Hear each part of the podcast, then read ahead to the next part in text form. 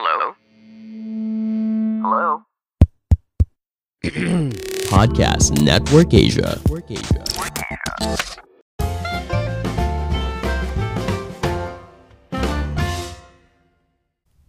Halo semuanya, kembali lagi bersama saya Madianto.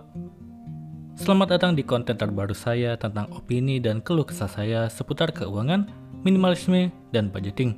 Skrip ini murni ditulis oleh saya dan pendapat saya sendiri sebagai opini saya. Jangan lupa subscribe, komen, dan like-nya. Alasan uang dapat membeli kebahagiaan. Uang adalah alat tukar untuk membeli barang atau jasa yang kita perlukan. Meski banyak orang yang menganggap bahwa uang tidak bisa membeli kebahagiaan, tapi fakta yang terjadi adalah sebaliknya. Uang bisa membeli kebahagiaan. Meskipun demikian, uang bukanlah segalanya. Kita perlu perhatikan di sekeliling kita.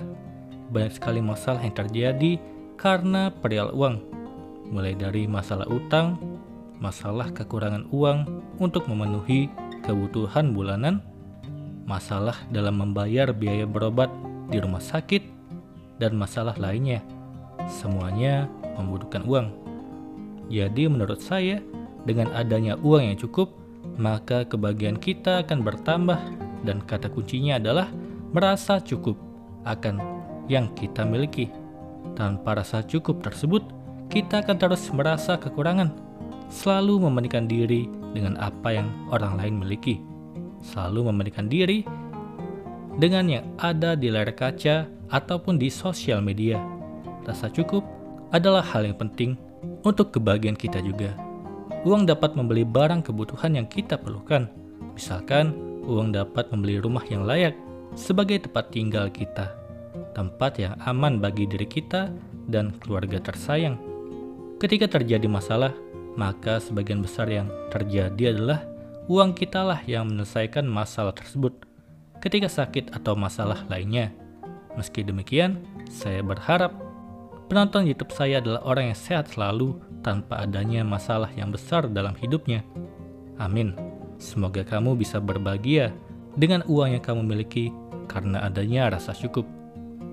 Tapi meskipun demikian, sekali lagi saya tekankan bahwa uang bukanlah segalanya.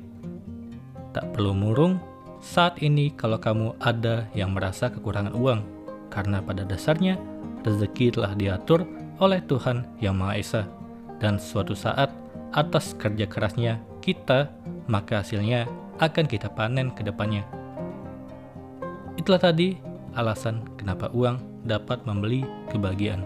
Semoga ini bermanfaat. Sekian dan terima kasih.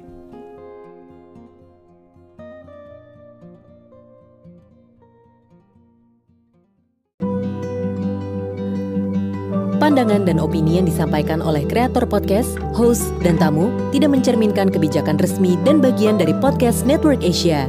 Setiap konten yang disampaikan mereka di dalam podcast adalah opini mereka sendiri dan tidak bermaksud untuk merugikan agama, grup etnik, perkumpulan, organisasi, perusahaan, perorangan, atau siapa pun dan apa pun.